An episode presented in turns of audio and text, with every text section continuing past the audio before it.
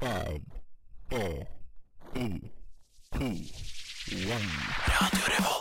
Hei, jeg er Erna Solberg. Mitt navn er Vegard Harm. Morgen, morgen, alle sammen. Jeg heter Mattoma. Hei, jeg heter Amanda Delara. Hei, jeg er Silja Sol. Det er ingen andre enn Admiral P. Vi er Lemetere. Det er fredag, klokken er fire. Det er fredag, det er nesten helg. Nå er det faktisk nesten helg. Endelig! Vi tar deg med ut av den kjedelige uka og inn i den deilige helga. Og ja da, velkommen skal du være. Helgen er nær. Og for å lade opp til den, så hører jo du selvfølgelig på Nesten helg. Jeg heter Marie, og med meg i studio så har jeg Sondre. Morten. Og Nora. Det er ikke til å tro. Vi er samlet. Gjengen er fullt hus. Det er. Fullt hus. Det kommer til å bli storståhai her inne i dag. Vi skal få tre gjester. Disney-filmen Storståhai? Nettopp. Det var det det sitter til. Det er Dreamworks. Den Det er. Dreamworks. Det er Dreamworks. Er Dreamworks? Noe så pinlig. Ja, Noe så pinlig. utrolig. For meg er det Disney, da. Ja. Vet du hva, det kan være det du vil at det skal være. Ja. Det Det var, det var en av mine yndlingsfilmer da jeg var liten, og det er jeg ikke helt stolt over. Nå fikk jeg en, jeg en nøtt i halsen. Den er ikke så bra. Nå, nå er den deilige nesten helgenergien her. Nå er det liksom to separate samtaler som foregår, og lytteren velger selv hva de vil lytte til. Men du får er- aldri slutten på historien, for den kommer vi aldri til. Den, den kommer vi aldri til. Sånn er det her hos oss. Uansett, I dag så har vi en sending som er fullspekket med gjester. Snart får vi besøk av Thea Wang. Eh, Så får vi besøk av Mio, og etter hvert så får vi besøk av Gløshaugen-revyen. I tillegg så har jeg vært og intervjuet Hilde Louise Asbjørnsen. Og Morten og Nora har vært på konsert, hemmelig konsert i Frimurlosjen med Stig Brenner og Ylva. Så alt dette skal vi høre mer om senere i sendingen. Hei, dette er Kamara, og jeg er på nesten helg, bitch. Det er du, og nå er vi på lufta. Vi prøver oss jo litt på teknikken vi om dagen fordi vi har mistet teknikerne. De vil ikke lenger ha noe med oss å gjøre. Så den er det Sondre som står for, og vanligvis går det veldig fint, men denne Ja. gangen så glemte vi å trykke på på lufta. Jeg er rusten. Jeg har ikke vært i dette studiet her på sånn to-tre to, uker. eller noe sånt. Det er det. Men vi kan jo ta den innsjekken på nytt, da, i og med at dere ikke fikk med dere den. Jeg heter i hvert fall Marie, Ja. og med meg i studio i dag så har jeg Sondre. og, Morten. Ja. Ah! Hvem skal neste? Daniel heter jeg. Nora! Ja, Daniel han kom tuslende inn her, og vi lurte på om ikke han bare Han kunne være med på radio, han er en slags hørelus istedenfor en linselus. En slags lyttelus. Altså, jeg føler ja. Daniel er Radio Revolt sin nomade. Du bare trasker fra program til program og slenger deg med på en sending. Ja, stemmer. Det er Han har egentlig ikke noe program selv. Nei. Det er Han er, han er egentlig ikke med. Han bare, han bare møter opp, og så får folk synd på ham. ja, Da han, jeg han litt rare folk aksepterer. rett og slett. Det er veldig hyggelig, da. På grunn av at du har en fin radiostemme. Takk. Mm, det har vi. Ja. Men vi er i hvert fall fulltallet i dag, som er ganske gjevt for nesten helg. Eh, og jeg kan jo røpe så mye at eh, det er mye mer enn det også som dere kan glede dere til i denne sendingen. Vi får hele tre gjester. Nå straks kommer Thea Wang, som er en fremadstormende artist. Så kommer Mio, folkrock-bandet du sikkert har hørt om. Kanskje ikke, men vi skal i hvert fall få lære mer om det. Og så kommer Gløshaugen eh, revylag.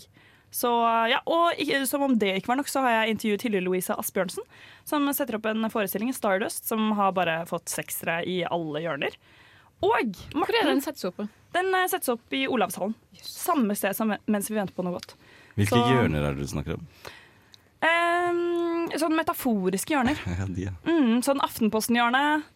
Uh, og så er det en Broadway et eller annet hjørne. Dagbladet. Ja, de hjørnene der. De har gitt sekser, i hvert fall. da. Um, ja. Og så har Morten og Nora vært på en helt eksklusiv konsert i Frimurlosjen.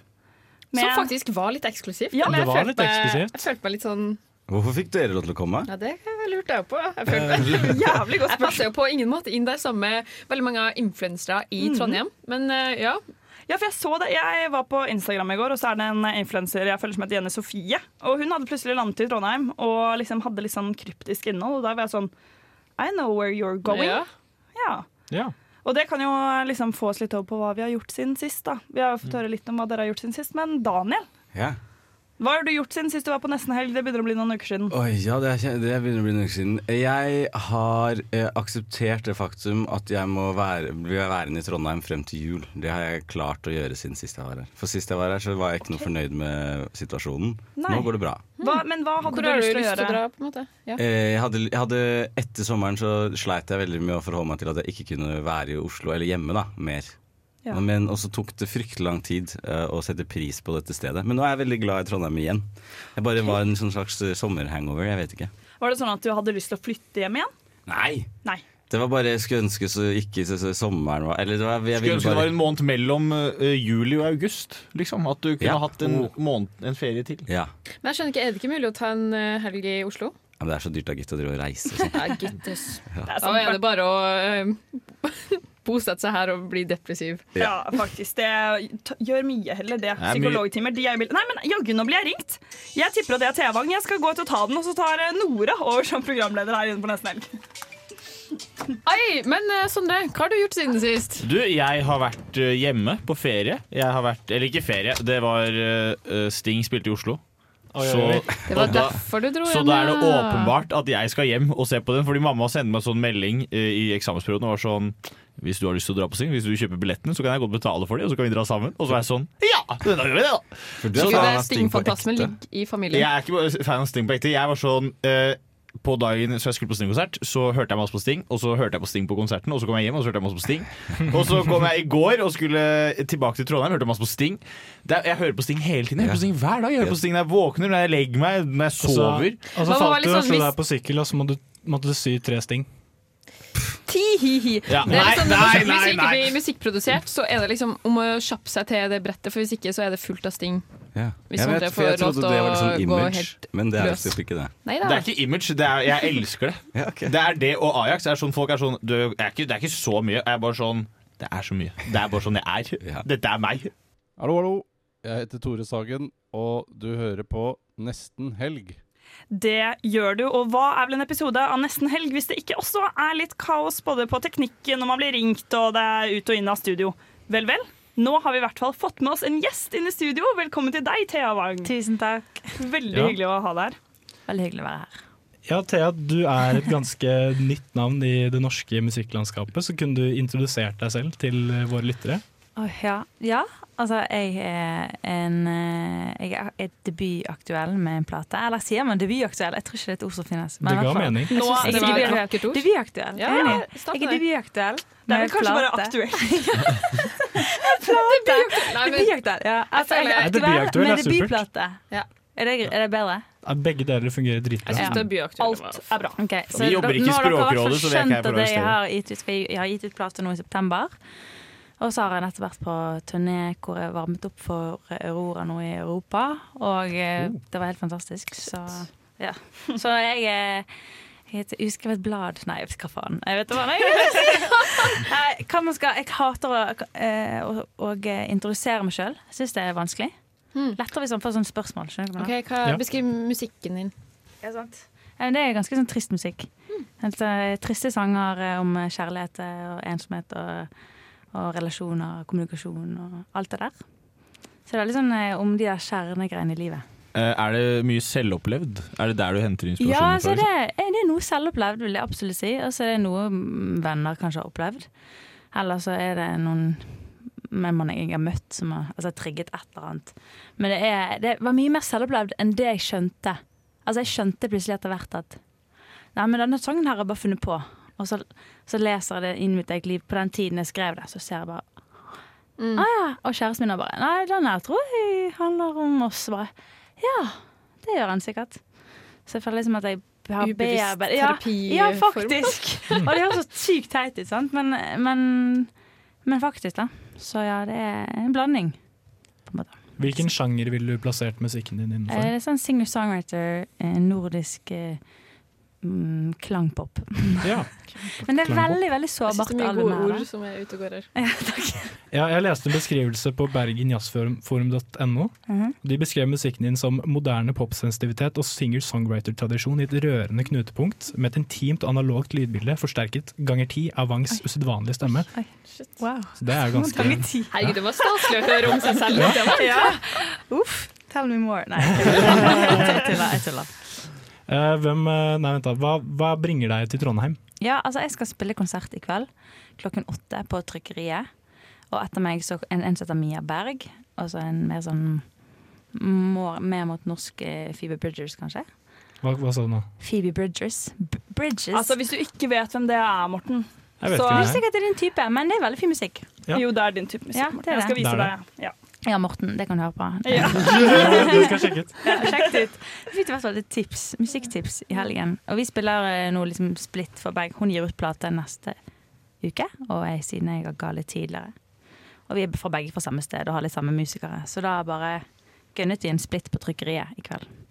Så det er bare å komme hvis noen, hvis noen får lyst. Så kult. Og Trykkeriet er jo det beste stedet Er det? å ha Jeg har aldri vært der. Jo, Der hadde jo vi vår første utesending. Nei! Jo. Ja, og det er verdens hyggeligste folk som jobber der. Ja, så du er i trygge det hender. kan vi faktisk ikke snakke nok om hvor hyggelig de er.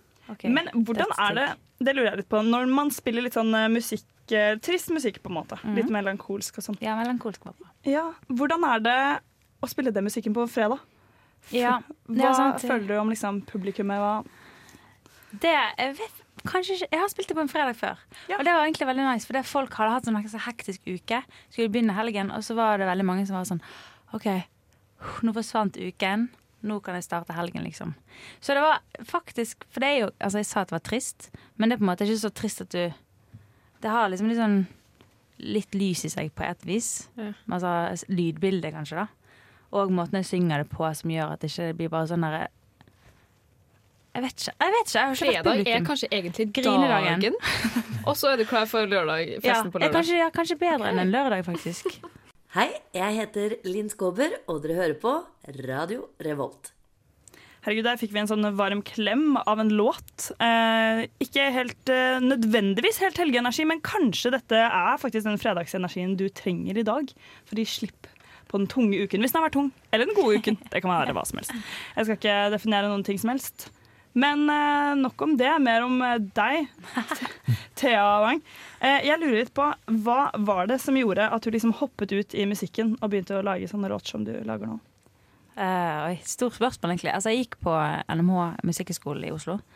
Og da hadde jeg et band, en trommedo Vi var her en eller annen gang, faktisk, som, okay. het, med Mm. Daisy. Som var liksom tromme og vokal. Um, spilte mye på Samfunnet. Det var, sånn der, det var liksom ganske en annen type energi. Ja. Masse trommer, masse synt. Det var veldig Ja, så jeg skrev liksom, Det var kanskje det første ordentlige bandet med som var mitt. Mm. Og så eh, plutselig mistet jeg Jeg kunne ikke snakke på en veldig god stund, for jeg måtte operere stemmen min. Så jeg dro Oi. til Oi. Italia og USA og var helt stille. For det jeg, jeg hadde bestilt turen før jeg fikk vite at jeg ikke kunne snakke. Så da måtte Det er en beskjed å få i fleisen. Liksom to uker før du reiser, svarer jeg. forresten, nå må du bare være stille en måned. Måtte du være Eh, helt stille? Ja. Sånn du kunne ikke si noen ting? liksom? Nei, så jeg måtte la liksom, Folk trodde at jeg var eh, stum, men mange trodde også da at jeg var døv. Sant? Ja, ikke sant? For at, Mm. hvis ikke du kan snakke Jeg skriver skrive på lapper og være gestikulere. Du får veldig mye, fikk veldig mye gratis. Fordi at folk bare sånn Ja, men bare gå inn i denne bussen. Det er sant? så morsomt at du Folk sier Folk blir så, får så dårlig samvittighet. Jeg vet det. Så, så, ja, så skrev jeg musikk der, eller liksom tenkte veldig mye. Da. Man blir jo litt kok fanget i ditt eget det kan jeg forestille meg. Og så, um, så kom, hadde jeg noen sånne låter fra før, når jeg hadde begynt å spille gitar. Og jeg hadde veldig lyst til, også lyst til å bli selvstendig, liksom, og ikke måtte bli kompet av noen andre. Mm. Eh, så da begynte jeg å lære meg det, og så vokste det ut disse sangene. Så ble det veldig sånn små noveller, føler jeg, Mm. egentlig. Og så, så fader meg, så dro jeg til eh, USA for å spille det inn, etter å ha reached out til en produsent som jeg likte veldig godt, på eh, Facebook. Og så var det feil, og så var det ny denne. Så likte han musikken min. Så jobbet han i et sick studio i LA som var helt psycho. Kult. Så, så spilte vi det inn, og så kom pandemien, og så tok det litt tid. Ja. Men nå er det ute, og nå kan jeg ja, lage ny musikk. Så her er liksom eh, arbeid fra før pandemien, Ja, det vil si. Absolutt. Eh, selv om jeg føler det sånn- det er kjedelig å si, for det er så alle skal slippe det. La, la, la. Men eh, det er digg for meg at det er ute, for da Mm. kan jeg lage ny plate. Som kanskje, kanskje er litt mer trommer, på eksempel. Litt okay. mer Mm. energi. Ja, for ser du for deg å liksom gå på en annen type sjanger etter hvert, eller? Ja, I hvert fall se hvor jeg, hvor liksom jeg vil ta det. Jeg vil i hvert fall ikke være redd for å føle at men nå er jeg her, nå må jeg lage sånne låter for alltid. Ja. Jeg føler This is me, liksom. Ja, enig. Ja, med sånn, ok, Hva er inspirert av nå? Og så vil det skinne gjennom at det er meg uansett. Mm. For stemmen min er jo meg. Tekstene mine er jo på en måte meg, og så melodiene. Jeg kommer ikke unna det. Så jeg syns det er liksom digg når artister på en måte, i hvert fall så lenge de lager noe de syns er skikkelig bra, Mm. så gjør de ikke at noe er helt nytt. Og så mister man noen fans, og så får man noen nye. Altså. Ja. Fans. Det var vanskelig å liksom Fordi man får jo kanskje ofte spørsmål om eh, Eller får du det? Ofte kan du kategorisere musikken Ja, din? ikke hele tiden. Er syns du det er Ikke vanskelig? hele tiden, men får, ja, jeg syns jo Eller jeg har jo begynt å skjønne nå at ja, det er singer-songwriter, na, na, na, na.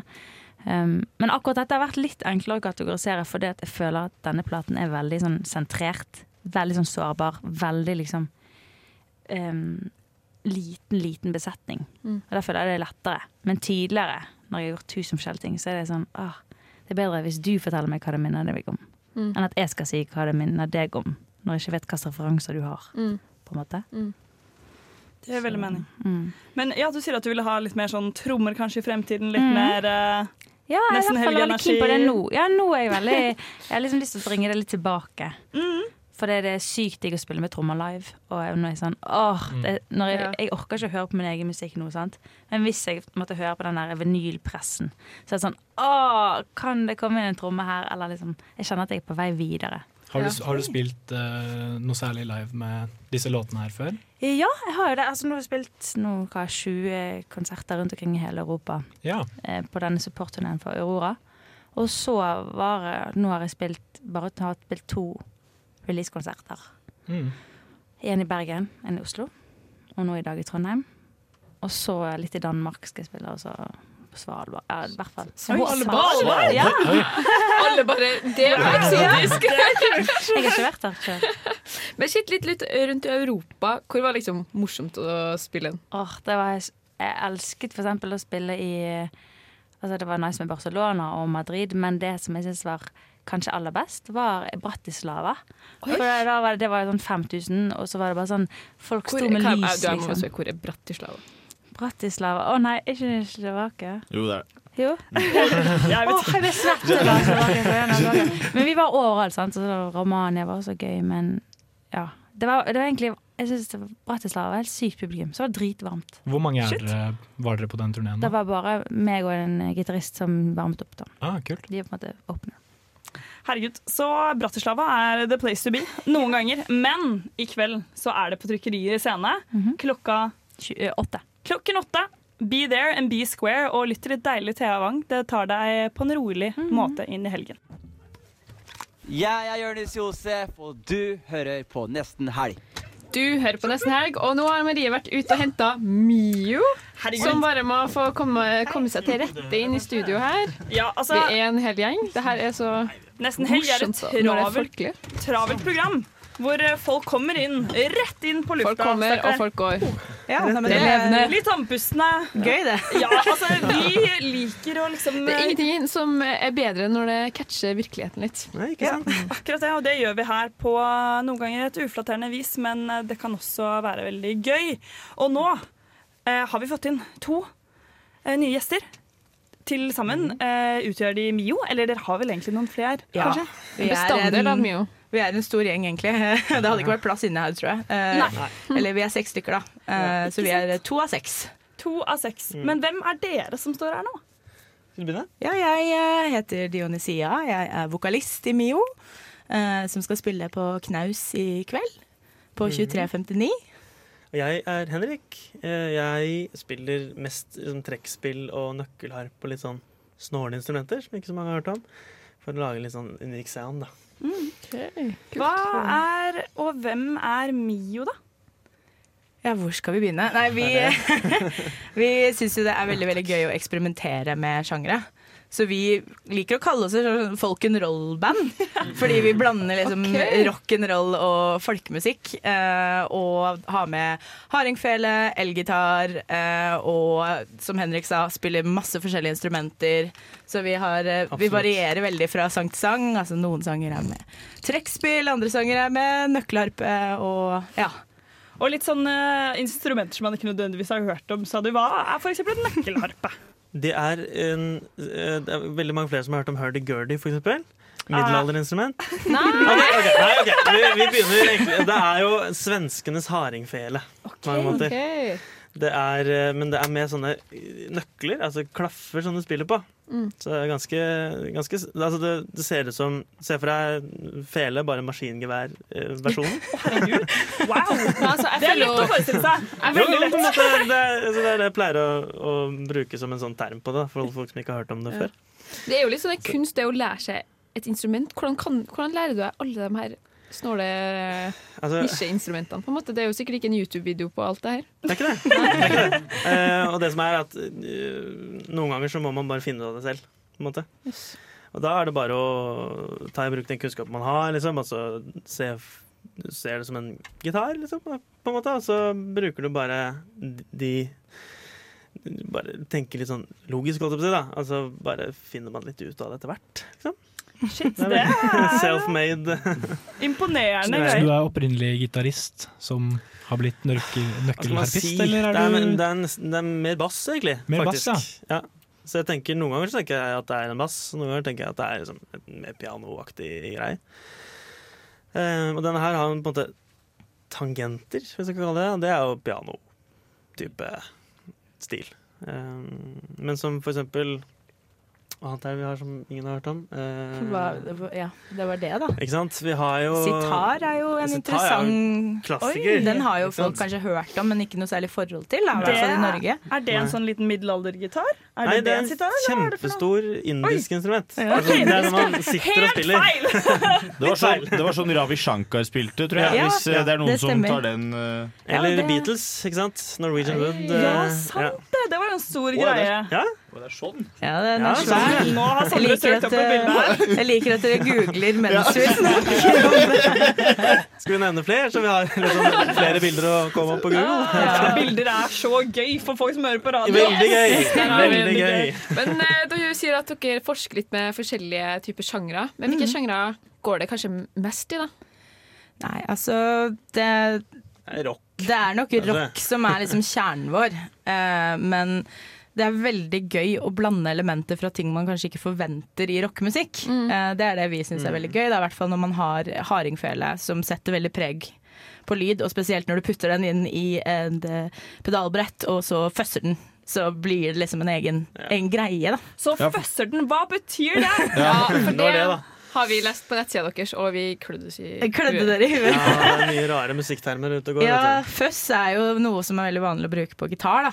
Eh, for å få litt mer sånn den der distinkte rockesounden med veldig sånn cruncha. Det betyr jo vel egentlig å distorte, altså vrenge lyden. Sånn at du får den harde lyden sånn som eh, man begynte med på 60-tallet med å bare ødelegge forsterkere for å få skikkelig sånn vrengt lyd. Og nå har vi jo masse Folk har jo masse pedaler og effekter til å gjøre det, men nå, og når vi gjør det med fele, så blir det liksom sånn helt unik greie, da. Kult. Ja, for jeg leste også på nettsiden så sto det også uh, Fødsel filmmusikk og krulling. Ja. Hva er krulling for noe? Du, først må vi jo faktisk Fordi Morten hadde jo en liten Ja. teori på det her. Kan ikke du Ja, bare fremføre teorien din? Eh, ja, jeg tenkte at krulling det er sånn når folkemusikere Når, man synger sånn eh, ting. Ja, det er, det Ja, er men, riktig, det. Altså, Ja. Ja. ja, det er riktig. Hvordan, hvordan vil du rate min krull? Det, På, på en skala fra 1 til den 10? er på vei, men Den altså, på vei. sånn, den, den er ikke gal. Du Men må, du, du må gi du må den et kanskje tall mellom 1 og 10. Mellom 1 og 10. Eh, fire, kanskje? Ja? Ja. Nei, men jeg tar det. Så kan vi, er det mulig å be vokalisten om en liten krull? Oi! Ja, det Oi, oi, Så oi. har oi. dere jobbet mot Morten. Ja, altså det er eh, Hvis du tenker på liksom, Nå skal vi bare være skikkelig stereotyp. Da, sånn, tenk sånn det er en budeie som står oppå et fjell og synger. Så vil du høre Sa di du di deia, di du di deia Og så tar man sånn mikromodalitet, da. Jeg fikk Det var gås. var ikke Men, sånn cirka det jeg gjorde i stad? Det var, det var Så det er det jeg driver med mest eh, litt her og der, men det er ikke det som liksom jeg gjør mest. Jeg skriker jo ganske mye òg. Det er mye heavy, heavy vokal også, men ikke, men ikke, ikke se bort fra den krullinga. Så jeg syns det, det funker ganske bra i, i settingen. Man må nesten høre det i sammenheng, kanskje. Men ja, vi må nesten høre det. Det tror jeg er stikkordet. Morgen, morgen, alle sammen. Jeg heter Matte Oma, og du hører på Nesten Helg. Yes, Og nå fikk dere kanskje litt utvidet forståelse av hva denne musikken vi har drevet og preika rundt, eh, var for noe. Em, jeg lurer jo litt på, fordi det vi har hatt en del i studio her, er sånn uh, rappgrupper, folk som har funnet sammen, uh, rapper sammen, gutter, dere skjønner tegninga. Mm. Men hvordan fant dere sammen i en folk-rock-gruppe? Hvordan skjedde det? Åh, det har gått, det har gått veldig gradvis. Fordi man Eller ja, det er ikke så ofte man snubler over folk som spiller hardingfele. Men, eh, eh, men det skjedde faktisk med meg, da. Eh, fordi jeg starta den, den gruppa her sammen med Marianne Frisberg Larsen, som spiller bass. eh, og vi to begynte med å komponere sanger sammen. Og så har, fant vi trommisen vår via Facebook-gruppe. okay. og ville- Musikere i Norge, shout out. ja, det var, så det var rett og slett sånn der Hei, vi liker, vi liker folkemusikk, men vi er ikke folkemusikere. Vi vil gjerne lage et prosjekt som er inspirert av det, i hvert fall. Eh, er det noen eh, litt sånn alternative trommiser der ute eh, som liker å eksperimentere litt med jazz eller med litt sånn perkusjon? Og da fant vi Eilif Hallingstad Finstedt, som er egentlig jazztrommis, men som har da gått veldig ja, litt mer rockeretning med oss, da. Eh, og så, ja, uh, hardingfelesnublinga. Nå kommer jeg til det. Um, det var rett og slett fordi uh, jeg studerer, eh, eller studerte nå, ferdig nå, uh, musikkvitenskap i Oslo, på UiO. Eh, og da har man sånn der årlig tur til Voss på Folkemusikksenteret der. Den turen har jeg vært på. Du har vært på den turen? Ja, jeg gikk et år på musikkvitenskap i Oslo. Ja, nei, men da-. Ja, og det er jo tidenes tur. Det var veldig gøy. Ja, det er sånn du, ja, Jeg husker turen så vidt. Eh, veldig, veldig gøy. Alt fra ja, lære å høre uh, bukkhorn, danse, folkedans, alt mulig på det Ole Bull Akademiet i Voss. Og da står vi der ute en sen kveld og snakker sammen studenter, og så sier Maja Veding Styffe ja, bestefaren min han var felemaker, og jeg har spilt fiolin siden jeg var tre år. Og jeg kan egentlig få kanskje en hardingfelle hvis jeg, hvis jeg spør pent. og da var jeg sånn Du må bli med meg! så hun ramlet bokstavelig talt i armene mine, på en måte. da. Eh, så det var veldig kult. Det er kult. Herregud, jeg bare begynte å forestille meg en treåring på fiolin. Det er et utrolig komisk Ja. bilde. Det tenkte jeg faktisk ikke helt over før du sa det nå. Ja. Nei, fordi de begynner jo, eller det hun fortalte meg, var, da begynte de jo med sånn papp, pappfioliner. Så du begynner bare med å lære deg hvordan du skal holde fiolinen riktig. Før Ja, du nettopp. faktisk begynner å spille på instrumentet. da. Den eh, dama hun skulle spille fiolin. Ja, ikke sant? Begynte tidlig, da. Så, men eh, de resterende delene av Mio kom jo til for ikke sånn altfor lenge siden. eh, fordi vi trengte, trengte noe nytt. Vi har jo hatt piano veldig lenge, og så var vi litt sånn Fader, la oss ta Vi, vi vil rocke mer! Vi vil rocke mer! Og da fikk vi oss uh, gitarist Jakob Nome fra der jeg studerte, og Henrik eh, Hagen Johnsen her, som da viste seg å ha veldig mange S i ermet. Ja, ikke sant? Fordi, fordi vi visste jo ikke det. Du kom jo på piano-audition. Ikke sant? Vi hadde jo først piano-audition, og så første audition kom jeg jo for seint. Veldig god start. Ja, det var veldig, jeg hadde glemt det helt. Ja. Veldig god start. Um, jeg, ja, jeg hadde ikke glemt det, for å si det sånn. Nei, og så um, Første audition gikk jo greit, det. Til hyggelige folk. Og, ikke sant? og så kom jeg på andre audition, og da var det en låt som jeg tenkte faen, nå må jeg jo finne fram trekkspillet, liksom. Så må jeg ta med trekkspillet, så se åssen dette går. Du satsa virkelig. Uh, ja, det, for det, det kan gå begge veier. For Ja, sånn. virkelig. Jeg kan jo det. Så jeg sitter der med trekkspill og Ja, men, oi, sann. Nei, så Vi skulle spille den på andre audition, og så dro jeg fram trekkspillet. Jeg hadde ikke sagt noen ting på forhånd. Nei. Så det var veldig overraskelsesmoment. Um, da eh, var det ikke noe så klart eh, svar holdt jeg på å si med en gang etter andre audition, men eh, jeg følte at det, det var det som var litt utløsende faktor da, på mange måter. I tillegg til at Det var det. Jeg mener, Det var det. Det var, det var det, fordi det er ikke ofte du, du møter noen som bare kan bare ta frem trekkspillet, liksom. Nei, det er jo ikke det. det er unikt i en alder av eh, 22, eller hva du er for noe nå. Måtte telle. Jeg husker jo ikke hvor gammel jeg er Jeg er sjøl. 23, så- Jeg er 23, Ja. det er bra. Ja. Friske opp. Det. Hva var liksom reaksjonen eh, din, eh, Dionysia, etter han hadde kommet inn med trekkspillet? Sånn etter han gikk, hva, hva gikk praten i da? Nei, det var Altså sånn, vi ble så gira. Fordi at han var jo sånn Hver gang vi var sånn der Å ja, det er kult, og begynte å snakke litt om kule instrumenter, så har jo Henrik alltid blitt sånn quote. At Henrik, at Henrik sier Ja, det har jeg hjemme! Så det er sånn der, hvorfor har du så mange instrumenter? Eller sånn, har du bare, bare liggende Altså, et par trekkspill sånn på jeg, jeg begynte å søke på Finn, for Finn har en eh, kategori som heter øvrige strengeinstrumenter, tror jeg. Og der! Det er en gullgruve. Det- det skal jeg- det skal jeg sjekke ut, faktisk, gjør det. se det. sitar. Fordi altså, sitar er ganske sjeldne, men jeg har sett flere vestafrikanske koraer, baglama, eh, duduker Hvor mye altså- må man ut med for en liten duduk? Eller? Duduk, det er veldig Kommer an på kvalitet, rett og slett. Ja. Nei, men det, et par tusen, tre tusen, så kommer du veldig langt, altså. Ja. For det- Hvis noen vil ta opp flere strengeinstrumenter, dette yes. er sjansen deres. Da har du øvrige, du har øvrige strengeinstrumenter, og så har du øvrige instrumenter. Og da begynner du å snakke kalimba og sånne ting. Mm. Da blir det ganske spesa. Men eh, det er mye, mye kult, altså. Mye Så kult å hack for å komme seg med i Mio er finn det rareste instrumentet du finner på Ja. øvrige eh, strenger, og så kommer deg på Det vil, det, vil si, det vil si finne et rart instrument som jeg ikke har. Nettopp! Det var det jeg skulle si! Du må si. utkonkurrere en ganske god spiller. Ja, jeg tror du har en det det. ganske god utfordring der, altså. Men nå har vi jo snakket ganske mye om liksom selve sånn, musikken, men Uh, ja, mus altså, lå ba, teksten er vel en del av musikken, sånn strengt tatt, men kan dere si litt mer om tekstene? Hva er det dere synger om? Ja.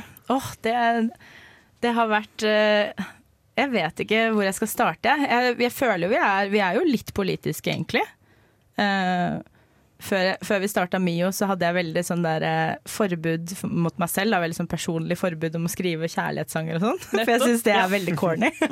Men så innser man jo at det, man må jo ikke skrive sånne eh, cringy kjærlighetssanger for å skrive om kjærlighet, eller å skrive om personlige relasjoner, liksom. Så vi har jo endt opp med å ha en del tekster om det, men vi liker jo veldig godt å bruke folkemusikkelementer for å få en litt sånn, hva skal jeg si, krydre litt eh, de bildene man kan, som ofte mange tyr til. Så bruker vi, vi har en sang om huldra, vi har en sang om uh, troll, men det handler jo ikke om troll, men det er mer et bilde på de utskutte i samfunnet, liksom. Og det er liksom Det er gøy å bruke litt de, der, de bildene folk har en relasjon til i veldig andre sammenhenger.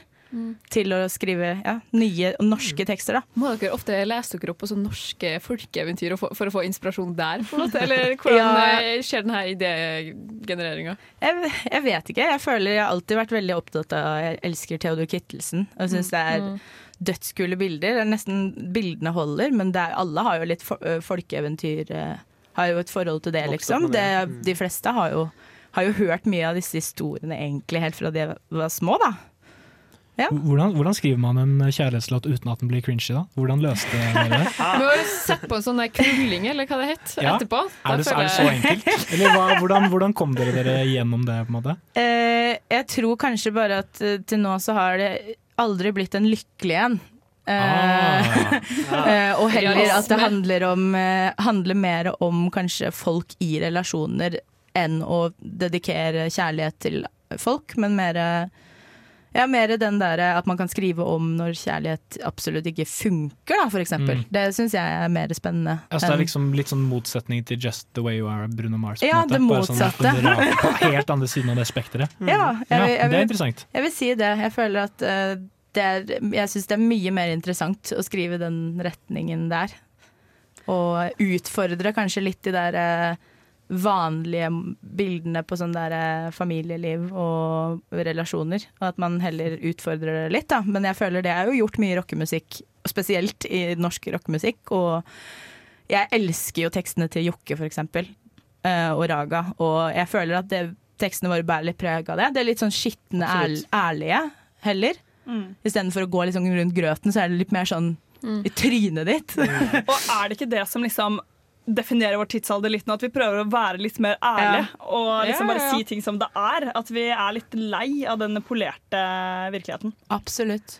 Um, nå tror jeg dessverre vi er nødt til å begynne å runde av, men før vi gjør det, kan ikke dere si når man kan høre Mio, og hvor man kan høre Mio nå i nærmest fremtid? Oi. Vet du hva? Du kan stikke på Samf i kveld. Herregud! Så deilig! 23.59. Der er det bare å være. Vi, hva skal vi si? Vi, Astrid S er oppvarming for oss. eh, rett ved. Eh, og så eh, Nei da. Men vi spiller, vi spiller på knaus. Mm. 23.59. Så da håper jeg mange vil komme. Og live er jo egentlig noe av det beste vi vet. Å spille, spille live og dra med folk. Og, så jeg håper at det kommer mange som er gira på å danse og synge. Fordi vi har mye synging og dansing. Sangbart, ja. Mm. Sangbart materiale. Herregud, Masse så gøy. Kom dere til Knaus i kveld 23.59. Tusen takk til dere, Henrik og Dionysia, for at dere ville komme. Jo, takk for at du fikk komme. Tusen takk. Tusen takk. Hei, jeg heter Ine Jansen, og du hører på Radio Revolt. Og dette her er jo som lovet en fullspekket sending, så vi har selvfølgelig fått eh, noen nye gjester inn i studio.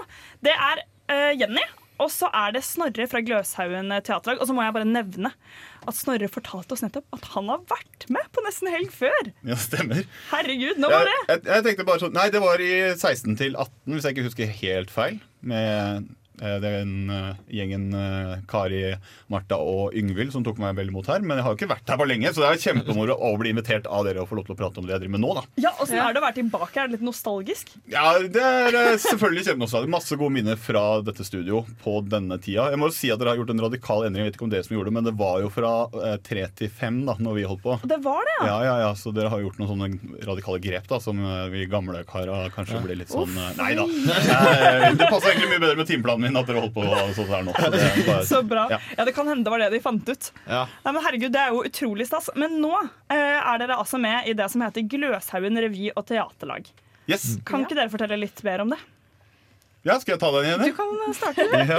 Nei, altså, Vi har begge vært aktive i Linjeforeningsrevy, i Nabla-revyen til eh, Linjeforeningen til fysikk og matematikk. Eh, Så morsomt er det ikke før. Jo. det er så mange linjer her. Her bare Men, knyter det seg sammen. ja. Continue. Men eh, så kommer det til et punkt hvor du kanskje føler at du har vokst litt ut av linjeforening. Vi har vært med mange år. Eh, og da slo det egentlig meg når vi var ferdig i 2020 med revyen, at eh, vi er ikke helt ferdig med revy. Men eh, ja, kort fortalt da, så fant vi ut at det var ikke noe mellomting mellom linjeforeningsrevy og ukerevy, som igjen kanskje kan bli litt heavy. Og Det er liksom et stort sprang fra Ja. linjeforeningsrevy til ukerevy. Så da starta vi Gløshaugen revy og teaterlag, som eh, lå brakk egentlig de første ett og et halvt åra sånn koronamessig. Og alt, alt For sånn når alt. starta dere liksom idémyldringa på det her? Nei, så ca. to uker før eh, lockdown i 2020. så det var time. tilrettelagt. Så det, vi, vi lå ganske lenge og i det hele tatt var, bare var få medlemmer. Men når vi endelig fikk lov til å gå ut blant folk, og sånn, så viste det seg at vi hadde jo kanskje truffet en liten nerve på nettopp det vi hadde håpa. Å forene revyinteresserte krefter på tvers av campus og linjeforeninger. og, og de uten linjeforeningsrevyer og sånn. Ja, nettopp. Ja, for Hvem er det som kan eh, få lov til å være med i dette revy- og teaterlaget? Det er jo egentlig alle som er studenter ved NTNU, eller tidligere studenter. Eh, så selv om vi heter Gløshaugen, så er du da selvfølgelig for et Dragvoll og Kalvskinne handels hvem som helst. Eh, og kanskje særlig de som da kanskje ikke har noen revy eh, å gå til. Eh, så det har også vært veldig positivt å se de som da ja, har savna det, det liksom lille kulturinnslaget i hverdagen. da. Absolutt. Gløshaugen-navnet er egentlig bare fordi vi tenkte fram i tid til uh, sammenslåing, men så kom Ola Ja. Borten Moe, også, og da er det plutselig i spill. Altså. Jeg vet Ja. liksom ikke om vi traff på navnet likevel. Nei, det er det vi eh, Don't get me started on Ola Borten Moe. Betent tema her Ja. eh, borti hjørnet. Veldig betent tema for Sondre, eh, og for egentlig de fleste studenter, for å være ærlig. Ja. Men dere holder vel på med å lage en forestilling nå også, gjør dere ikke det? Vi er nå i den mest intense perioden rett før eh, urpremiere, den første produksjonen, så det er ganske intenst akkurat nå, ja. Skikkelig innspurt. Ja, skikkelig. For den forestillingen skal være 3. november, husker jeg feil? Det er korrekt. Jeg husker korrekt. Mm. Eh, Er det, hvordan eh, får man billetter til denne forestillingen? Vel, er, De to første forestillingene er utsolgt. Så både urpremieren og fredagsforestillingen er utsolgt. Men vi har satt opp ekstraforestilling på lørdagen klokken syv, og der er det fortsatt ledige billetter. Stas. Hadde dere forventet det engasjementet for eh, forestillingene deres? Ja, ja og nei. Si ja. Ja nei. Altså, vi, vi vet jo at det er ganske mange revyinteresserte med tanke på hvordan revymiljøet har vokst. Mm. Så at uh, mange derfra hadde lyst til å komme og se på oss, det er jo, tenkte vi jo. Men at vi skulle se oss nødt til å sette opp en ekstraforestilling, det er jo den Det var sånn var mer et håp, på, på men eh, ikke noe vi turte å, Ja. å gå for i utgangspunktet. Det er jo et veldig sånn utypisk tidspunkt å ha en revy. Var det taktisk, eller? Det var med vilje. Eh, Det er jo veldig mange, altså er veldig mange revyer som setter oss, settes opp på våren. Det det. Eh, og vi tenkte jo at vi har jo lyst til å kunne bruke det som fins av revymiljøet, og gjerne folk som har litt erfaring også. Og da er det dumt å sette opp revy samtidig som de da skal sette opp sin linjeforeningsrevy. Eh, så derfor tenkte vi på høsten. Der er det ikke så mye som skjer, i hvert fall ikke når det er uka. Uh, da er det hovedsakelig Medisinrevyen som settes opp annethvert år. Uh, så Og sykepleierne nå? Og sykepleierne nå også. Eh, og så tenkte vi hvorfor ikke joine dem? Og gi dem noe å dra og se på, ikke minst. Ja, så Tanken er jo rett og slett at når det ikke er uka, så er det jo litt mindre som skjer på høsten. Eh, så det var et lite tomrom der. Eh, Medisinerne og sykepleierne er der. Men så tenker vi at vi skal ikke blande oss inn på høsten når det er uka heller. Så da kjører vi et sånn at den revyen skal ligge fast annethvert år når det ikke er ukeår da, på høsten. Og så får vi se hva eh, laget har lyst til å gjøre av produksjoner eh, mellom de to åra. Eller de to åra. Mm. Det høres jo helt nydelig ut. Mm. Um, hvilken rolle er det dere har i revyen? Nei, Bortsett fra liksom founding fathers and mothers. Bortsett fra eh, det, Så, bortsett fra det. eh, så er Jenny er leder eh, og har liksom hovedansvar for admin-delen, som jeg er veldig lite glad i. For jeg er kunstnerisk leder og har da tatt, eh, satt ned et kunstnerisk styre og jobber mye med regi og det overordna, men også med skuespillere sammen med en regikollega. da. Hva er, oi, ja. Ja, Hva er tema for, eh, for denne forestillinga? Nei, Vi eh, satt lenge og tenkte på det, da. Ja. men vi kom fram til at eh, det er vår første gang. Og da tenkte vi på alle de gangene eh, man gjør noe for første gang. Eh, og så alle gangene man gjør noe neste gang, eller siste gang. Så alle gangene mellom første og siste gang er egentlig det. Så da ble revynavnet For det første. OK, shit, så spennende. Eh, har dere noe liksom, siste dere vil si for å motivere folk til å komme på revyen? Det er jo kanskje litt sånn utradisjonell type, eller måte å sette på revy. Vi har bl.a. egenkomponert musikk. Eh, det er det ikke så mange, eh, i hvert fall ikke av linjeforeningsrevyene, som gjør. Der er det som regel coversanger. Um, I tillegg så har vi prøvd å på en måte tenke litt ut av boksen, rett og slett fordi vi er nye og kan. Uh, men ja, ellers, det blir bra show. Det er gøy å dra på show. Kom Hvis du liker å le eller gråte, eller bare trenger å slå av noen timer, så er det der man skal være den lørdagen, tenker jeg. Ja, men Det gjelder de fleste. det. For dere som liker å kjede dere, så kan dere finne på noe annet. Men resten, kom dere på revy. Mitt navn er Henrik Fladseth, og jeg hører på Radio Revolt.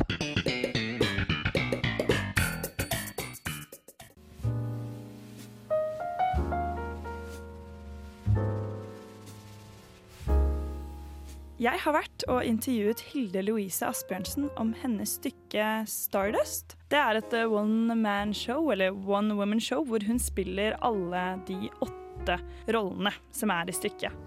Jeg klarte imidlertid å rote det litt til. Det er jo en feil alle må gjøre i radio eh, enten før eller siden, og det er å glemme å skru på opptakeren på begynnelsen av intervjuet. Det glemte jeg. Og det beklager jeg veldig mye for, så dere kommer litt sånn rett inn i intervjuet, men vi hadde ikke pratet så lenge, så frykt ikke. Dere får med dere masse. Vi kommer i hvert fall rett inn der hun forteller hvilke kvinner det er hun på en måte portretterer i stykket. Og hun får nevnt alle, bortsett fra Bukkan Lasson, som er en norsk kvinne, som er den siste som ikke blir nevnt. Og ellers tenker jeg at jeg ikke skal si så mye mer. Så får dere bare nyte intervjuet.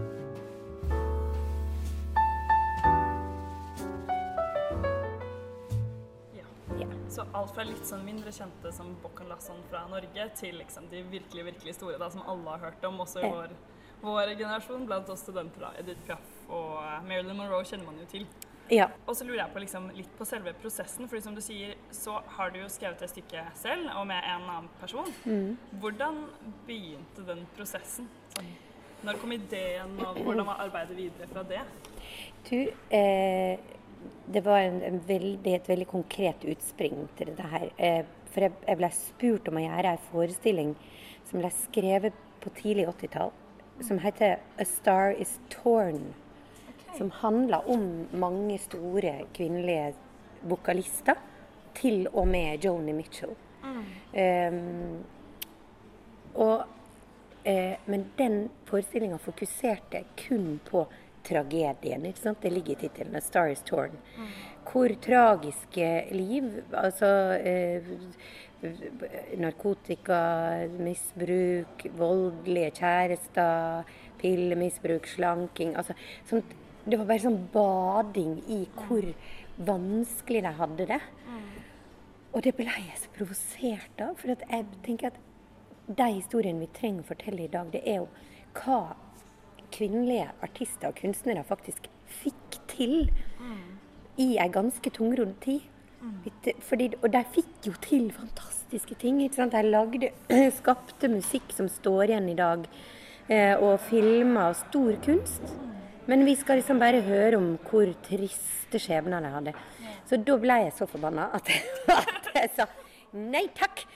Og så, og så sa produsenten da, men kanskje du skal skrive den forestillinga sjøl. Og da begynte jeg med research. Eh, og det var en, en vanvittig prosess. Og da tok jeg fram akademikeren og blinderen-rotta i meg. Og satt på lesesalen i, og jobba i et par år. Og, og, og leste da alle biografiene, alle de forskjellige innfallsvinklene til hver person. Som jeg da valgte sjøl. Og så eh, blei det da faktisk både ei bok eh, på 400 sider som heter 'Stardust', og da forestillinga. Ja. Det er kult. Så for de som er liksom litt mindre glad i å gå i teatret og litt mer glad i å lese, så bør de lese Stardust, da, med andre ord. Ja, absolutt. Og den er litt sånn eh, Det er masse fun facts, og det er litt sånn kronologisk bakgrunnshistorie om krigene og depresjonene og hvordan var verden da. Og så har jeg putta inn disse her eh, kvinneliva da, i den kronologien. Og skrevet små noveller eh, innimellom der jeg liksom te- tenker meg hvordan, hvordan de hadde det, og hvordan det var. Så det var en kjempemorsom morsom prosess. Og veldig lærerik.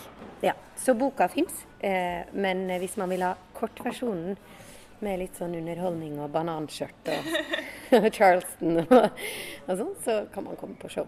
Det vil jeg tro det er mange sin. Men det er jo utrolig imponerende. Først og fremst at du dypdykket i alle disse åtte, altså åtte Mm. biografier. Er det er mye Ja, åtte og da kanskje fire- fire-fem biografier på hver dame. For det må man jo, for det er jo noe med du skal skrive om noen som har levd.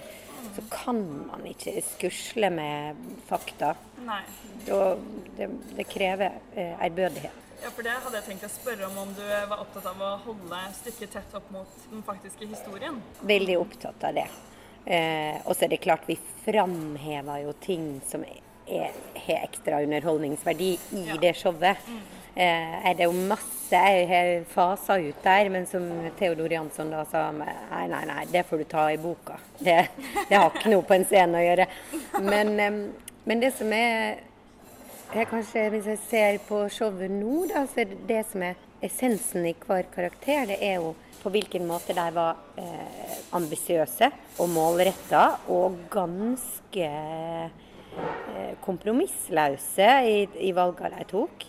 Eh, de var veldig, alle sammen veldig seksuelle vesen. Det framheva jeg. Ikke som offer, men som altså, seksuelle vesen med lyster og behov. Josephine Baker sparka jo alle danserne som ikke ville ligge med henne, eh, på Folie Bergère i, i Paris på 20-tallet. Det er litt kontroversielt sant, å snakke om i dag, men hun var på den sida av bordet. Hun bare ønska seg å og sikkert, Det var sikkert en sånn maktdemonstrasjon fra hennes side, for hun kommer fra ingenting. Kunne nesten ikke skrive navnet sitt og kom til Paris fra Amerika. Så det, det er ganske det er sånne perspektiv som jeg synes det er ganske interessant å se på, og som er da eh, det som er litt kanskje sånn snacks og fun facts i showet, som jeg tenker at men hvorfor kan ikke vi fortelle om det? Eh, Og litt sånn oppfølging til liksom det med dette valget av kvinner, for det var sikkert ikke åpenbart for deg med en gang at du skulle velge de åtte. Nei. Hvordan ble det sånn? Det, er, det var en eh, prosess, og jeg var innom veldig mange av mine eh, helter, som jeg eh, har hørt masse på opp gjennom karrieren. Men jeg måtte jo, i og med at jeg, jeg hadde den overskriften at jeg ville fortelle, fortelle på en måte litt sånn seiershistoriene, så måtte jeg jo, så silte jeg ut ifra om det var tydelig at jeg hadde hatt klare ambisjoner. At det ikke var sånne så For eksempel um, du, Tudy Garland. Ja. Laga film og forestilling om. Hun ble jo født inn i det. Og liksom bare dratt av gårde inn i en sånn stor showbiz-karriere. Eh, de jeg har skrevet om, de har på en måte satt seg et mål. Dit vil jeg. Jeg vil Marilyn Monroe bestemte seg for å, at hun ville til filmen da hun var veldig ung. Sånn at eh, dette her er er aktivt eh, kjempende artister mm. som, som ikke har fått noe billig eh, eller lettvint, eh, og som ville noe med eh, utøverkunsten sin. Da. Mm. Er det én eller flere av de kvinnene som har liksom stått ekstra ut for deg? Vært ekstra inspirerende eller bare betydd mye? Jeg tror det er, det er jo en sum, summen av dem. Men sånn, før jeg begynte å jobbe med Stardust, så eh, hadde jeg jo allerede et veldig nært forhold til Billie Holiday. Hun har jo vært en sånn inspirasjonskilde for meg som, som vokalist og som tekstformidler. Eh, Billie Holiday, for de som ikke vet det, er hun en jazzmusiker? Jazzsangerinne jazz, eh, jazzsangerinne fra, som, som brøt igjennom på 1930-tallet og ble stor på 50-tallet. Eh, og var på verdensturneer. Og vi hører henne stadig vekk på kafeer og klesbutikker og synge 'God bless a child' eller Oh my man, I love him so Med litt sånn rusten, sprakete Det er Billie Holiday. og hun var på den tida så var hun ganske uh, spesiell som jazzvokalist, fordi da skulle jo egentlig sangerinnene skulle egentlig bare synge melodien, og så skulle gutta improvisere på melodien etterpå og være frie jazzmusikere. Mens Billie Holiday var like, eh, like improviserende sjøl, så hun sang aldri melodien sånn som den sto på papiret. Hun lagde, tolka den og gjorde sine egne vrier på det og var veldig rytmisk og eh, fri, da. Så hun var på en måte den, eh, en, en foregangsfigur på den tida der. Um, hun inspirerte Frank Sinatra. Han gikk for å høre på henne. Hun er viktig. Ja. Føler du at du kjenner deg litt igjen i en del av disse kvinnene? Liksom ditt, din kreative karriere? Ja, ja jeg, jeg, det er vel kanskje mer sånn at jeg har, jeg har tenkt for å få til det dere har fått til, så må dere ha vært veldig ambisiøse. Og så har jeg tatt på meg de brillene, og så har jeg lest meg opp og henta ut de historiene fra de karrierene eh, som vitner om stor vilje. Og, og nettopp det at de på en måte, de ga aldri opp. Eh, selv om de møtte så masse motstand, både kvinnediskriminering og, ikke minst rasediskriminering. Billie Holiday, Bessie Smith og, og Josephine Baker var jo afroamerikanske.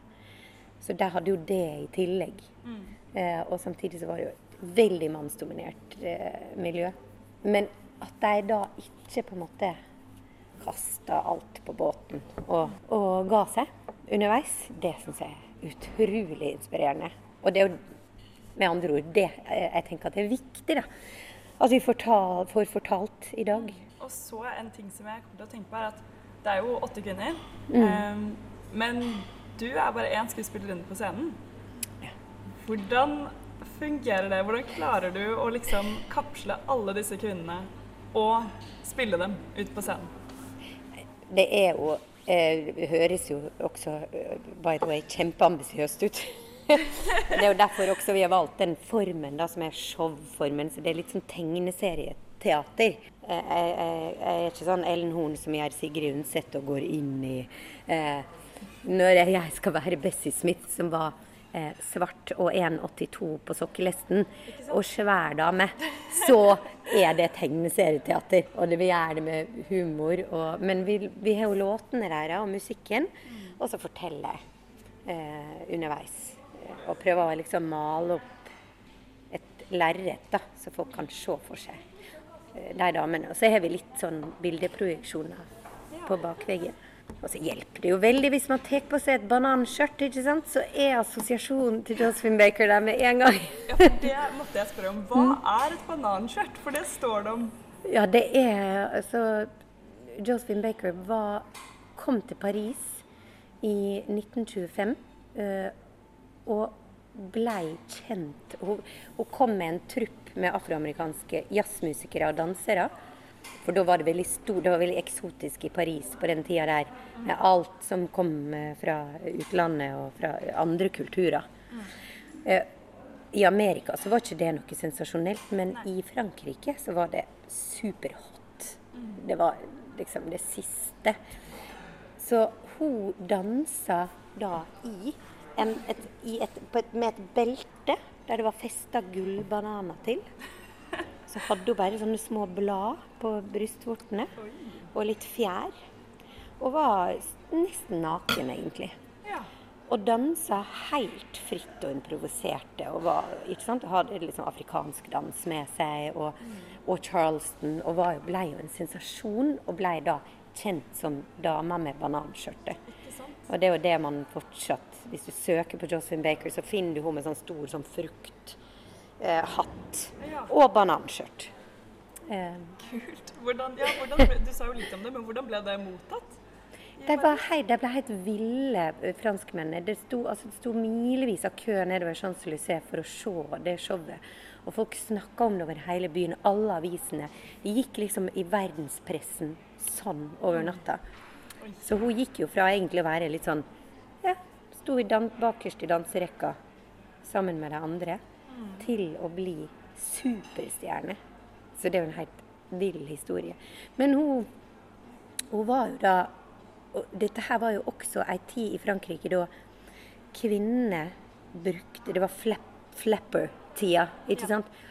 Så de eh, damene, unge jentene som ville gjøre opprør, de kledde seg ofte litt eh, mannhaftig. Gikk med dressjakke, klipte håret kort, røyka, drev med sport. Det var liksom eh, hipsterdamene på den tida der. Og så var en annen ting var at de var veldig opptatt av eh, seksualiteten sin. Så det at de hadde sex utenom ekteskapet, og også ofte liksom på tvers av kjønn, eh, var en del av protesten. Fordi da på den, de kunne ikke stemme. De fikk ikke kjøpe prevensjon. Så de var eh, og, og de tjente dårlig, ikke sant.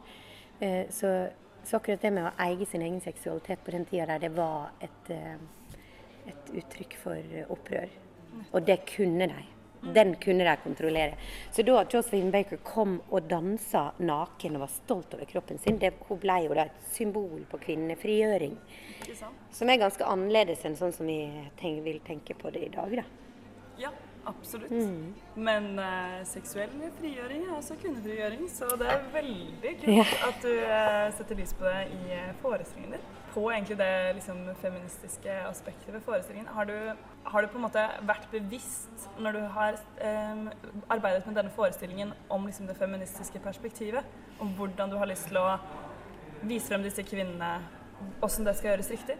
Ja, ja, det ligger jo litt i prosjektets natur, i og med at den Jeg syns at den forestillinga som jeg ble tilbudt å gjøre, var rett og slett litt sånn undertrykkende. Ja. Så var jo målet med Stardust å fortelle eh, om eh, kvinnekraft i forrige århundre, da. og, og på en litt annen måte. Eh, og så Litt av forhistorien er også at jeg hadde rett før metoo-bevegelsen starta, så had, var jeg ute med ei anna forestilling som var egentlig en ganske litt sånn burlesk forestilling om finans. Eh, og og gjeld, gjeldsboble og forbruker, altså kredittkortfesten, som vi har holdt på med i, i mange år her i Norge. Men den var litt burlesk og litt lettkledd. Jeg kobla det med liksom 1930-tallet, Berlin, eh, løssluppenhet. Så kledd av sannheten og brukte det som et sånn humoristisk virkemiddel. Og det var stor suksess og kjempefine terningkast og komipris og veldig gøy. Men så ble jeg plukka, opp eh, av et uh, selskap som ville sende Lulu, som hun heter, da, forestillinga mi rundt i verden og spille for internasjonale banker. Og det var jo fantastisk. Men så kom metoo. Ja. Og da trakk alle kundene seg fordi jeg var for eh, sensuell i uttrykket mitt. Det syns jeg var veldig interessant, for jeg heier selvfølgelig på metoo. det ligger jo i seg sjøl. Men da tenkte jeg ja, men, men hvorfor? Hva er den mekanismen der at vi skal ikke diskriminere og trakassere kvinner seksuelt, men vi får ikke kvinner lov til å være seksuelle av egen fri vilje. Altså det, den problematikken der syns jeg var veldig eh, interessant. Så den ligger også litt bak eh, eh, Stardust-tematikken. da. Og apropos det litt, så da, så eh, sa du til meg før vi startet her at folkeopplysning, det er noe du legger litt vekt på også i denne forestillingen. Hva mener du med det? Hvorfor er det viktig? Jeg tenker at det er viktig at Altså, historien er kjempeviktig. Og hvordan vi forteller kvinnehistorie er veldig viktig. Og jeg har jo Jeg jobber jo innenfor en altså showteatersjangeren har og er opprinnelig et veldig voksent publikum. Eh, med godt voksne kvinner og menn som går og skal se sine gamle helter. Eh, og har hørt og kanskje opplevd Edith Piaf live i sin tid osv. Men jeg har, eh, jeg har begynt å få en del yngre publikum i salen, heldigvis, for det ønsker jeg meg så veldig. Og det som er så gøy, det er å snakke med dem etterpå. Både, både menn og kvinner. Eh, helt ned til sånn 16-årsalderen, som bare kommer og vil ha bok, og, og blir Jeg, syns å merke ganske tydelig at jeg blir styrka eh, og motiverte og litt sånn oppløfta av å høre om at ja, altså folk var eh, fulle av rå ambisjon og pågangsmot eh, også for 100 år siden. Og de fikk til ting, og de la seg ikke ned. Og, og ikke minst at kvinnelige artister kunne være såpass gærne. De er litt sånn i sjokk. Bare 'hæ? Oldemora mi hørte faktisk på dette her'. Fordi det tenker jeg at jeg Og da føler jeg at jeg er med på kanskje å gjøre noe litt viktig. Eh, og det vil man jo. Og også særlig, som vi var inne på, eh, i og med at det nå det lages veldig masse sånne periodedrama eh, som folk ser på Netflix og HBO. Mye av det er basert på sannheten, og mye er funnet opp. Og vi var innom filmen 'Blond', som er rent oppspinn. Og det tenker jeg at det er egentlig ganske farlig eh, når man velger å gjenfortelle kvinnehistorie på den måten der. Med masse usannheter og med offerrollen smurt utover hele. Og det ødelegger jo Marilyn Monroe- Monroes ettermæle. For det er ikke alle eh, ungdommer som ser den filmen og så går og sjekker facts etterpå. De Det gjør man kanskje. Ikke sant. Så Derfor så er det viktig at vi snakker om dette her og får fram, får fram eh, sannheten. Absolutt. Eh, og da er kanskje litt sånn oppfølgingsspørsmål til det. Hva unge, hva tror du unge har å hente ut av denne forestillingen? Hva kommer de til å ta med seg, håper du? Jeg håper de tar med seg eh, at de blir eh, kanskje litt modigere. Fordi når folk har vært så modige i en såpass vanskelig tid, så kan vi faktisk eh, nå enda mye lenger i dag. Eh, at vi, at eh, man blir litt sånn ja, Tenk at nei, skal jeg skal faen meg ikke gi meg. og samtidig så er det jo veldig masse historier. For, forteller jo, Vi koser oss med sånne fun facts som The Roaring Twenties og depresjonen på 30-tallet og andre verdenskrig og eh, forbudstida. Og så det er jo veldig masse gøy historie her som man kan eh, putte inn i kanskje det som man eh, ja, har lest på skolen. Og at det blir litt levende, levende for deg. Sånn sett. Egentlig et siste spørsmål. Mm. Så lurer jeg på hva for noen følelser håper du folk får? Du har vært litt inne på det, men hva for følelser håper du folk får av å være og se det stykket? Både underveis og etterpå. Jeg håper jeg blir litt eh, sjokkert, og at jeg ler, og at de eh, gråter. Ja. Det er ganske masse alvor i den også, så det er mange som feller ei tåre på slutten der. Det er ganske dramatiske tider disse menneskene Ja. har gjennomlevd. Og, og det dramatiske liv. De, mange av dem dør jo veldig tidlig. Mm. men ja, nei, at man går ut og er litt oppløfta og litt gira og kanskje litt ekstra gæren. For jeg syns at vi kan godt tillate oss å være litt ekstra gærne. Gi litt eh, Altså gi litt faen i regler og forventninger. Det tror jeg verden har godt av. I hvert fall her til lands. Ja, det tror jeg du har rett i. Da høres det i hvert fall ut som sånn, det perfekte stykket å få med seg med høsten, når du trenger å bli litt sånn oppkicket, få litt sånn liv i kroppen, da, egentlig. Ja, absolutt. For nå skal vi jo inn i en mørketid der mange blir litt sånn tunge til sinns. Så kanskje man kan bruke høsten og vinteren til å planlegge noe eh, spennende og gøy som man skal gjøre. Det syns jeg, og en av de tingene bør jo være å komme seg på forestillingen. Når er det du har forestillingen? Du, jeg spiller i kveld, fredag, på Lille sal på Olavshallen klokka halv sju. Og lørdag i morgen, samme tid. Og så spiller vi på Kimen i Stjørdal på søndag klokka sju. Så det er jo en mulighet. Eh, For det er jo så kort vei. Ja, det er det. Da har du de tre mulighetene, så er det bare å komme seg på forestilling og kapre en billett før det er utsolgt. Og så må jeg bare si tusen takk for intervjuet. Takk for at jeg fikk prate med dere.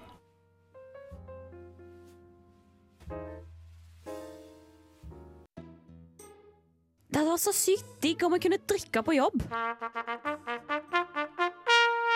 Nesten helg svinspalte.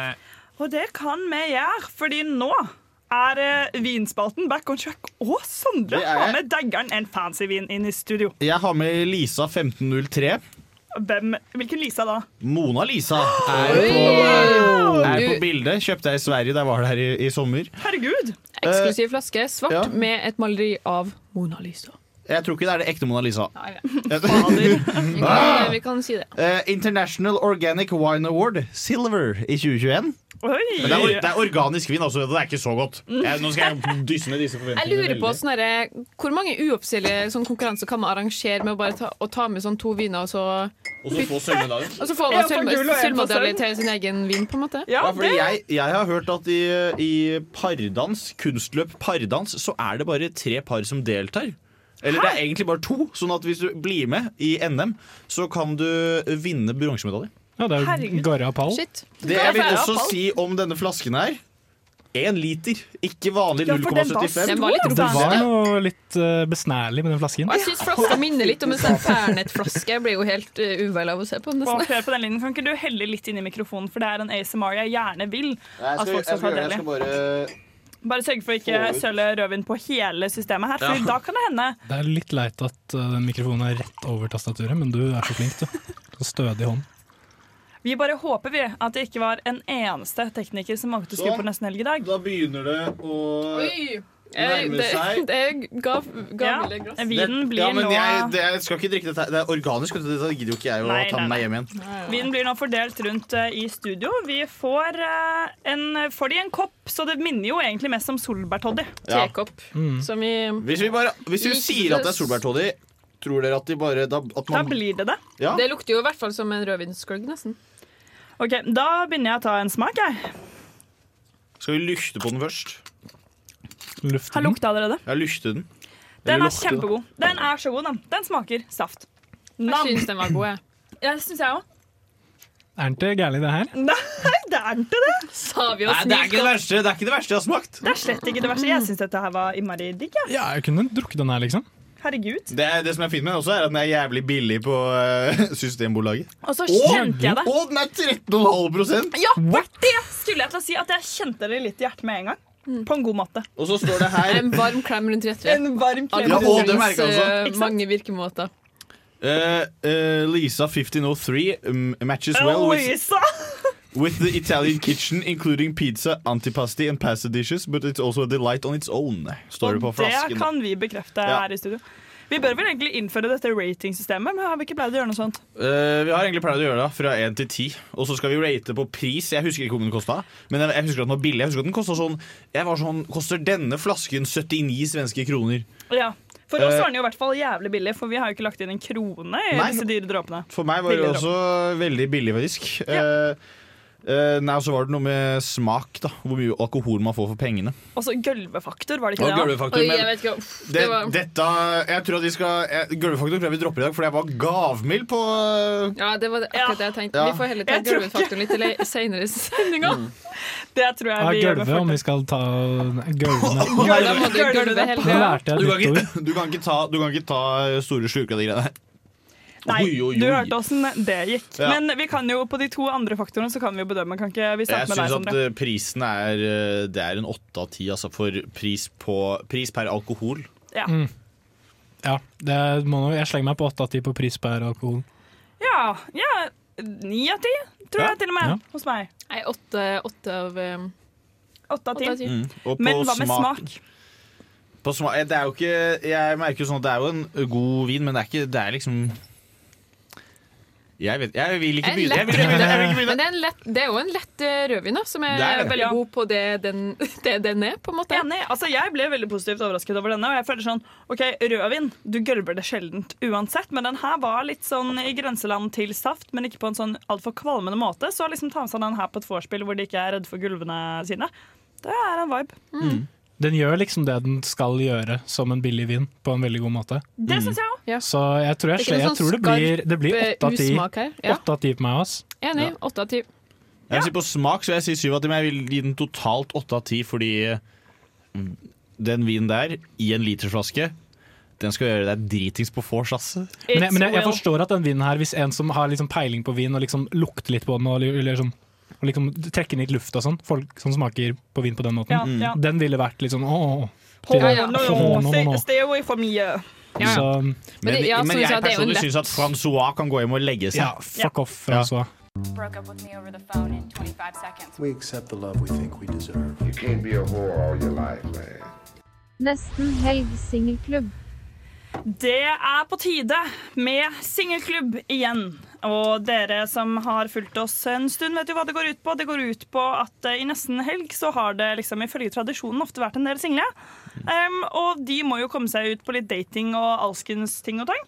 Um, og særlig med å sondre det. Sondre, har det skjedd noe i det datinglivet i det siste? Eh, nei, altså jeg sier jo til folk at dette er det ene Jeg er jo singelklubbens leder. Dette er det, Det er eneste, dette er det eneste ledervervet jeg har, pleier jeg å si. Og det er ikke et lederverv jeg kommer til å gi fra meg sånn helt uten videre. Nei. Jeg er litt stolte til det her. Ja, det er litt stolthet i det. At nå skal vi se, nå har vi vært singel i Jeg er inne i mitt 23. år. Jeg blir jo 23 i desember, så eh, nå er det liksom skal vi, se hvor, lang- skal vi se hvor lenge det holder? Før, jeg begynner å være sånn Nei, nå, nå er det kanskje på tide. Eh, men eh, Det er en bra streak. det er en bra streak, og jeg er jo særdeles fornøyd med livet mitt også, så det går egentlig greit. Jeg er jo singel som eh, bare jakkeren, jeg, altså. Synger som aldri før. Ja. Nei, Godt å høre. Hva med deg, Nora? Du, det her er faktisk litt artig å ha For i hver sin klubb så føler jeg sånn her Nei, nei, det har ikke skjedd Men nå- Men nå har det! Har jeg litt sånn Så jeg sitter Og Nora har fått en match på Tinder! Men helt seriøst så er det nesten i det, det kaliberet der, altså, på en måte. Men det bare sier jo uh, noe om hvor heftig denne tørkeperioden Eller ja. Altså, det er de små Jeg seierne. føler tørkeperiode er noe man 40 år gamle damer Sier Sier hun og tar på livmoren. Ja, men eh, det har altså blitt meg. Men um, eh, siste uke så uh, hadde jeg en liten uh, en flørt um, som var, ehm, var veldig morsomt. Og jeg, det høres jo litt sånn nyreligiøs uh, ut, hører jeg nå. Men det, det er sånn der, jeg har glemt litt hvor mye sånn positiv livsenergi en flørt liksom kan gi deg. Og det er jo helt sånn derre Wow! Nå føler jeg bare sånn derre ah, Kan se folk på gata Ah, du er sexy. Jeg er sexy. Ah, Alle er så sexy, sexy, Nei, men liksom. du, det er sant. Altså sånn eh, Så eh, Ikke den- stå og objektifisere Morten på scenen. Så jeg lever litt på denne bølgen nå, og det er jo litt sånn komisk. Ja. Men åssen eh, møtte du denne flørten? Var det på Tinder? Var det på gata? Det var faktisk litt sånn eh, på gata. Det var søndag, det var veldig fint vær. Jeg prøvde å få med folk på Cava søndag, fordi Så altså, sitter Nora der alene og drikker kava. Jeg syns jo- jo Det å drikke på dagen, og spesielt i solvær, er fantastisk. Det er jo bare sånn synd at eh, har blitt sånn megakeksete partygreie. Mens jeg går i hvert fall forbi, da får jeg i hvert fall se på folk. Jeg skal på Urinetown litt senere på kvelden. Men da går jeg forbi en venninne av venninna mi, som sitter der med to, to kompiser. Og så eh, står jeg i hvert fall utafor, ikke på Kavasson, men litt bortafor. De tar en rolig øl, ikke sant. Går forbi, snakker litt, og så spør de ja, du skal ikke bare slenge deg. Tar en øl, fordi han ene syns jeg jo er sykt digg. eh, så slår man ned, eh, og så tar jeg en øl med dem, drar på Urintown. og så møtes vi litt senere på kvelden, litt flere venner, for å ta enda en øl. Og så eh, og så eh, ser vi litt på eller sånn, Tidligere på dagen så hadde vi sett litt på sånn fulle folk som gått forbi ved eh, Bermuda. Ledd litt av hvor eh, morsomt de ser ut når de er helt full på en eh, søndags formiddag. eh, vi skal i hvert fall gå hjem fra denne båten. Eh, jeg og han går det siste stykket hjemover, for de andre har liksom gått av på slutten. og så sier vi sånn vi skal ikke, Nå må vi bare toppe det hele og bli de her fulle. Vi tar en cava på Bermuda. Og Gøy, dere to? Oss to. Som var litt, Hvem var det som tok initiativ til det? Var det deg eller han? eh, det var han, og det var litt sånn morsomt, fordi det er en morsom plass å være klokka ett en søndag. Veldig det gøy. var litt sånn eh, eh, rare personer som befant seg på Barmuda da. Så that was uh, that story so far. Um, Men tror du at denne historien har liksom en episode to? Et kapittel Ja. til? Eller er det ferdigskrevet som en novelle? Du, faktisk, så akkurat nå så lever jeg bare på den her lille novella. Men, men øh, kanskje jeg skal utfordre meg selv i å prøve å gjøre det til det andre kapitlet. Skrive det andre kapitlet. Det har jo snakka om det at eh, nå må jeg liksom ut av denne her komfortsonen. For jeg er jo Jeg lever av Sondre, men jeg er jo i akkurat samme boksen. Jeg er jo på mitt 23. singelår. ja, det er jo det. Så um, ja. Nei, men er herregud, så utrolig stas. For en gangs skyld var det noe som hendte i singelklubben. Det var litt lille, lille. Og vi gleder oss til å høre mer. Hei, det er Thomas Seltzer her. Du hører på Nesten Helg på Radio Revolt. Yes, det gjør du. Og som jeg nevnte helt i begynnelsen av sendingen, hvis du har hengt med så lenge, så har det jo skjedd mye i Nesten Helg-riket i det siste. Og en av de tingene som har skjedd, er at Morten og Nora har vært på Stig Brenner og Ylva-konsert i Frimurlosjen. I går, faktisk, ja.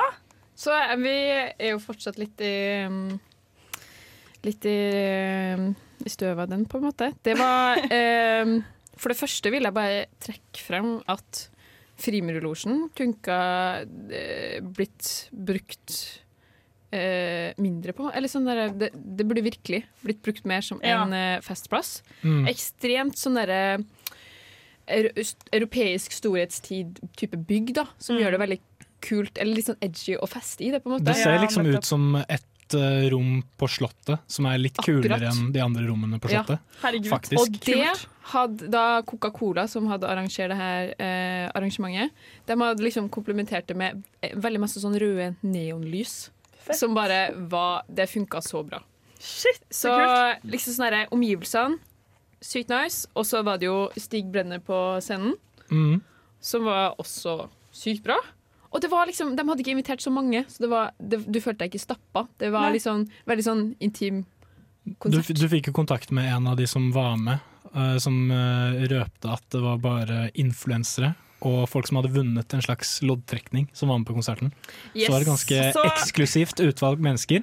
Nora kjente igjen mange, jeg Ja. kjente ikke igjen noen. Jeg er ikke så, jeg er ikke så kjent med Trondheim sin kulturelite. Nei, for det her var jo også en sånn veldig morsom greie med den her, uh, det her arrangementet. var at Det var bare folk som hadde vunnet billetter gjennom uh, konkurranser Coca-Cola hadde, og influensere. Så det her var det, ja, Trondheims kulturelite. Og Trondheim kultur, det er 3T. Det er litt sånn Insta-babes. Så jeg kan liste opp litt sånn derre Og det er sånn folk som har drevet med wine f for ti år siden. Liksom, sånn der, Så det var liksom derre eh, Helene Nå, Helene Ja, i hvert fall en annen Var, var, Helene- er- Helene var var, var Erika Norwich der? Erika Norwich, Ja, yes! ja fordi jeg, jeg sa til eh, en venninne at eh, jeg var på influenser-event. Ja. Hun var sånn, ja, hun Erika Norwich var sikkert der. Og Mm. jeg kjente igjen det ansiktet. Så hun Men var hvordan der. kjenner du hun Hva kjenner hun fra? Eh, nei, venninnen min vet hvem hun er. Jeg, jeg aner ikke hvem det her er. Å ja, men det er henne, ja. Nå, Ja. Jeg måtte nesten søke opp bildet av henne. Hun er sånn eh, TikTok-stor på TikTok. Egentlig ganske kult Hun ja. Driver og en del opplysningsarbeid om borderline personlighetsforstyrrelse. Har hun det selv? Ja. Ok. Hvis ikke hadde det kanskje vært litt rart. Og men Med er mindre var. Hvis hun var psykolog, da. Ja, for det, det er hun ikke. Hun At er er måte helt autist og bare har autistet uh... Nei, det kan man ikke si, Hæ? Sondre. Så det Hæ, er bare? Ja. later vi som at vi ikke hørte. Ja, Og så bare Jeg går over til 3T-babesa. Mathilde Holk, eh, Henry som sparka sparkesykkel fra Trondheim til Oslo. Her har vi mye å gå på. Ja, han ja! Han med de der jævla badeendene. Ja, han som driver er den der merkelig, altså. tatoveringssjappa òg, er det ikke det? Samme Nei. Og, og Du Nora, er du er helt på en annen planet nå, Sondre. vi fant ut at begge to uh, var sånn Å, Stig Brenner, det har jeg hørt. Altså sånn To dager før konserten så inn, gikk det opp for begge at faen, det er jo unge Ferrari. Altså, og jeg skjønner ikke det nav navneskiftet. Nei, Unge Nei, Ferrari. Det er, så, det, så, det er så quirky og gøy. Men kanskje, bare kanskje han, er litt, kanskje han Ja, følte seg for gammel. Det var det han Stig. Brenner føler jeg er en singer-songwriter uh, som han bare ikke er. på Nei, måte. det er Nei. sant. Jeg syns også det var veldig rart at han endret på navnet, men det var det han Ja, sa. men da jeg- ville tror han det er for å pivotere inn i singer-songwriter-domenet. Ja, men jeg er jo mer, mye større fan av gammel Lamborghini. Ja, hvorfor Yes. kunne han ikke bare hete sånn voksen Ferrari? Eller bare sånn, Ja. eh, Kunne han ikke det? Voksen Fiat Punto. Ja, voksen Ferrari, ja, der Altså, har vi det. Voksen Volvo. Men sist må jeg også bare Og så skyte inn Saab at når man dør, da. eh, det her var jo arrangement for eh, Coca-Cola, og de hadde bare stilt ut eh, Coca-Cola overalt, som bokser. Ja, dere fikk gratis Coca-Cola. altså, sånn, det, det var pynten deres, og jeg, myself, student, passa jo ikke inn pga. klærne mine, hullete og litt slitt, men, med influenser Trondheim. Mens jeg stoppa seks, seks, sju, åtte, ni Coca-Cola i veska, liksom! Du var på dumpster ja. Det var morsomt. Herregud, Men dere fikk i hvert fall mye ut av denne konsertopplevelsen. Da, synes jeg det virker som. ja, men skal, vi, tror skal, vi, skal vi frikjenne Coca-Cola som eh, firma, da? Det gjør vi. Det gjør vi. For nå har. Nora fylt opp kjøleskapet sitt, da er det greit. Da er det greit. Hei, dette er Fay Wiltagen, og du hører på Nesten Helg. Det gjør du, og nå er det jo veldig veldig snart helg, men vi er jo nødt til å fortelle dere hva vi skal i helgen. Sondre, hva skal du? Uh, når dette er ferdig, så skal jeg løpe hjem. Det skal jeg ikke, jeg skal ta bussen, for jeg skal rett på Oktoberfest. Oi, gøy! Så jeg har- du har blitt en festløve! Det er Eh, så gøy. så jeg har uh, fått tak i Istedenfor å ta sånn eh, antrekk og sånn, så jeg har fått tak i en FC Bayern-drakt. Fordi hva er Oktoberfest er jævlig Bayern, ikke sant? Ja. Så da har jeg tatt en FC Bayern-drakt. I morgen så skal jeg se på Ajax-kamp, det er det eneste som skjer. Og på søndag så skal jeg spille fotballkamp, møte opp på Tempe klokken 14.00. Fantastisk. Eller ikke, men hva med deg, Morten? Hva skal du? Litt sånn rapid? Eh, Jeg skal kjøre litt på i helgen. Jeg skal prøve å stå opp litt sånn tidlig og komme meg litt sånn a jour med skole. På Bare grinden. gunne- eh, Sigma grindset. grind. Yes. Mm. Uh, og så skal jeg få middag deg middag akademisk genser for det òg. Ja, jeg skal få middag påspandert av noen venner. Oh, på deilig. Ja, Så det blir veldig deilig. Um, ja, og så skal jeg se Liverpool-match. Så jeg ser fram til en knakende helg. Fy faen, det blir bra. Festene for meg er det skatecamp for jenter i Trykkestallen. Maria. Det blir vibes. Det var faen meg raskt. Nå ble jeg imponert. Ja, Mm. nei, Jeg skal også komme meg på grinden, opp på hesten i helgen. Ta igjen skole, tre ukers worth of skole jeg Ikke ikke har kall fått Jakob gjort. for hesten.